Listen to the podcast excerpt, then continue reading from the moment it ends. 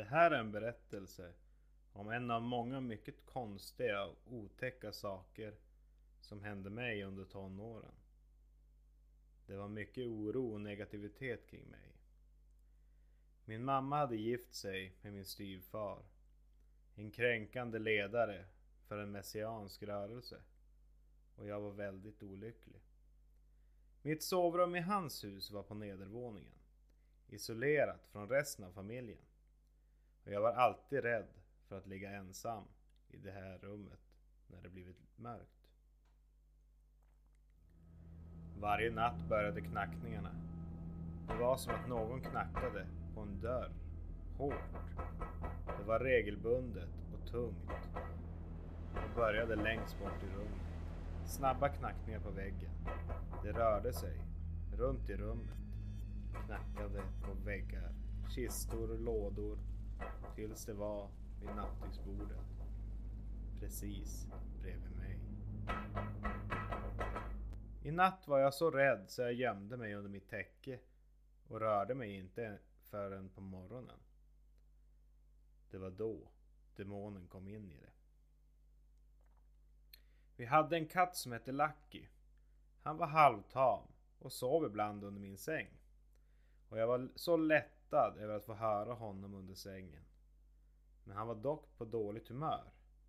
Jag kunde höra hans klor klöste ilsket mot täcket som hängde ner från sängen. Jag kunde känna vikten av hans kropp när han drog i täcket. Jag kunde höra honom morra och väsa. Jag ville inte reta upp honom mer om han redan var på dåligt humör. Så småningom så fick jag nog av ljudet, av klorna och av vikten när han drog i mitt täcke. Så jag lutade mig under sängen och beordrade honom. Men det fanns ingen katt. Det fanns ingenting under sängen alls. Dagen efter så frågade jag min mamma var Lucky var. Och hon sa att ja, men han kom aldrig in igår. Utan han var ute hela natten i skjulet.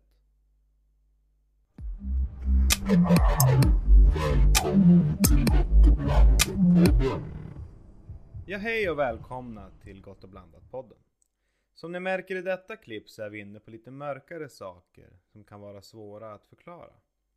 Denna berättelse som ni hörde just heter En demon under sängen och postades den 18 april av användaren Dreaming Gypsy i underforumet Ghost Stories på Reddit. Har ni varit med om någonting som kan vara svårt att förklara? Dela gärna med er om det. Som nästa person här, Sammy Tukan. Han postade skuggfiguren i trädgården den 18 april i underforumet Ghost Stories på Reddit. Och så här berättar han. I mitt liv har jag haft ett par konstiga upplevelser. Så jag tänkte jag skulle skriva ner en och låta er läsa den. Händelsen inträffade när jag var ungefär tre år gammal. Som med att vara så ung kommer jag inte ihåg så mycket från den tiden. Förutom ett levande minne. Min familj hade nyligen flyttat in till en hyresfastighet i förorterna till Melbourne. Det var ett trevligt hus, litet men mysigt. Perfekt för en ung familj. Det började en dag under vintern när mörkret kom tidigt. Där satt jag i soffan i vardagsrummet och tittade på ett barnprogram som jag inte kommer ihåg vad det var för något. När plötsligt den kusliga känslan av att bli bevakad flödade över mig. En stickning i nacken som fick mig att stelna och se mig förvirrat omkring. Allt var normalt. Jag hörde mina föräldrar laga mat i köket och min äldre syster som lekte på golvet i närheten. Men jag kände fysiskt hur ett par ögon borrade sig in i mitt bakhuvud och rent instinktivt vände jag mig om och tittade ut genom fönstret. Det var först då jag märkte att gardinerna var öppna trots att det var kolsvart ute. Och mamma stängde dem alltid när solen gick ner. Jag fokuserade min blick på vad som kunde finnas på andra sidan glaset i mörkret av trädgården. En rysning rann ner för min ryggrad. För jag visste på något sätt att det fanns något där ute. och jag frös till. Och jag kände hur rädslan sköt liksom en elstöt genom min kropp när svartheten rörde sig. Jag såg en form bland skuggorna.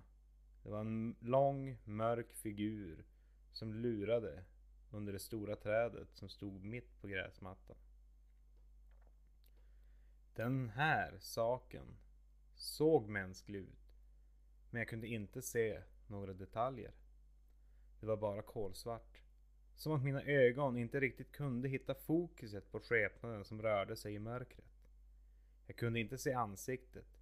Men jag visste på något sätt att den såg rakt på mig. Jag hade en känsla av att vad det än var så hade det inte några goda avsikter. Allt jag minns är att jag blev så illa till mods när jag såg det. Och vad som ännu konstigare var att den bleka glöden från gatubelysningen lämnade gården i skugga.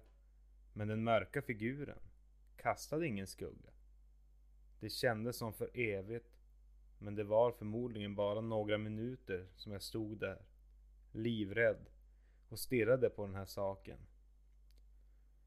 Mitt hjärta dundrade i bröstet. Jag kände mig som ett byte förföljt av rovdjur. Barmhärtigt bröt min mammas röst genom min panik när hon kallade oss till middag. Jag blinkade kraftfullt ett par gånger innan jag slet blicken från skuggan och tittade över axeln dit min mamma satte tallrikarna på bordet. Jag suckade lättnat över normaliteten. Jag ville inte se tillbaka, men jag ville bara veta om den fortfarande var där. Så jag tog mitt mod och vände mig. Tillbaka mot fönstret. Och mina ögon vidgades dock av chock när jag såg att figuren var borta. Som att den aldrig fanns där. Och när jag såg att den var borta gjorde jag vad någon treåring skulle göra. Jag skakade av med det och gick för att äta min middag.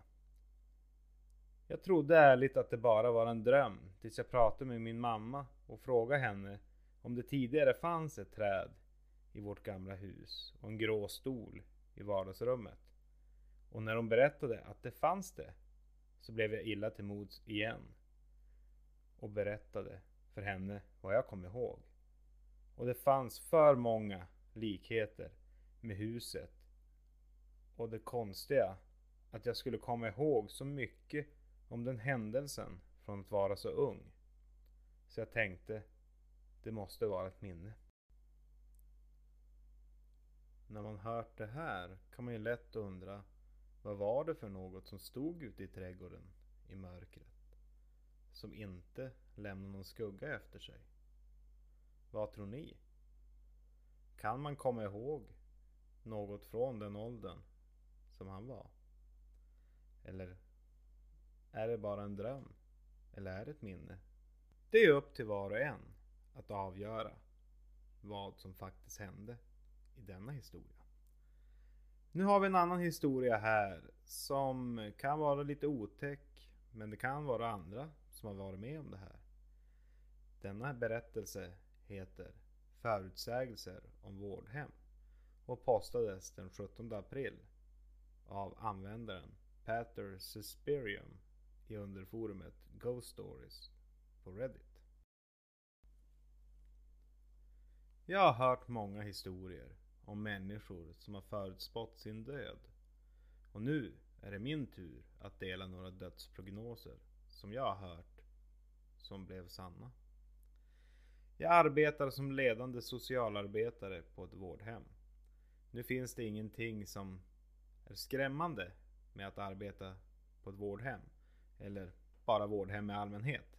Förutom den tillfälliga fruktansvärda lukt som slår av dina strumpor. Men under den tiden som jag arbetade som chefsassistent på min vårdavdelning så eh, har jag fått två invånare att förutsäga sin egen död. En av dem är inte lika otäck, främst bara sorglig. Men den andra, den, den ger mig rysningar. Vi kan börja med den som inte är lika hemsk. Denna speciella invånare hade varit där en kortare tid och var inskriven för långtidsvård. Hen var ganska ung, ja under 60 år. Och var där på grund av att deras medicinska problem gjorde att de hade svårt att leva självständigt. Jag började vara deras socialarbetare under covid-19 pandemin. Och vid tidpunkten för denna händelse så var det om, omkring december 2020 och det närmade sig jul. Invånaren var i ganska stabilt tillstånd. Inga större hälsoproblem som skulle orsaka förestående död. I alla fall hade det levt mycket längre om det inte hade varit på grund av omständigheterna kring dess död. Vilket som jag inte kommer kunna ge någon mer detaljerad information om vad som hände. En dag så pratade jag med invånaren. När de frågade ifall de inte kunde åka hem för att besöka familjen under semestern. Men på grund av den pågående covid-19 pandemin så var det policy att invånarna inte kunde gå på utflykter för att de kunde komma tillbaka och orsaka ett utbrott. Så jag var tvungen att tyvärr säga nej till den boende. De kunde inte åka hem på semestern. Den boende började gråta och jag gjorde mitt bästa för att trösta den. Jag fick hjälp av en sjuksköterskedirektör för att försöka lösa det. När vi pratade med den snyftade invånaren så trodde invånaren att det var helt säkert att de inte skulle leva för att se nästa jul. Och vi gjorde det bästa för att försäkra invånaren att det var i stabilt skick. Det fanns inga fel som skulle få dem att dö inom nästa år. Men eh, tyvärr på grund av många plötsliga och motstridiga faktorer passerade invånaren två veckor senare. Nu var det dags för den andra historien. Den här är lite mer otäck. Denna invånare var förmodligen runt 60 år. Hon hade många hälsoproblem. Men eftersom att vi gav vård och rehabilitering så antogs det att hon skulle få åka hem med sin make. En dag när vi samtalade, jag och en sjuksköterska i invånarens hall, så hörde jag henne gråta. Så jag gick över till hennes rum och där befann hon sig i fosterställning med en fullständig rädsla och fruktan i ansiktet. Så jag frågade genast vad som var fel och om jag behövde tillkalla en sjuksköterska. Hon tittade på mig och sa att det fanns människor precis utanför dörren som pratade om hur snart hon skulle dö och hur de skulle gräva hennes grav. Jag försökte försäkra henne om att det var ingen som pratade om att hon skulle dö. Det fanns ingen där som pratade om att gräva hennes grav. Jag hade precis varit nära hennes rum och konversationen som jag höll med sjuksköterskan hade absolut ingenting att göra med henne. Och än mindre med att någon som skulle dö och någon som grävde sin grav. Så hon verkade lugna ner sig och saker och ting pågick som vanligt. Men bara några dagar senare så överfördes hon till sjukhuset och där dog hon kort därefter. Det hemsöker mig fortfarande. Vem var det som stod utanför hennes rum och diskuterade hennes död bara några dagar innan den faktiskt inträffade? Ja, och det här var det som användaren Pater Susperium postade i underforumet Go Stories på Reddit. Jag måste säga i alla fall att den andra historien gav det i alla fall mig rysningar. Vem eller vad var det som befann sig utanför rummet? Hur kunde det veta när hon skulle dö? Välkommen till Gott och blandat-podden.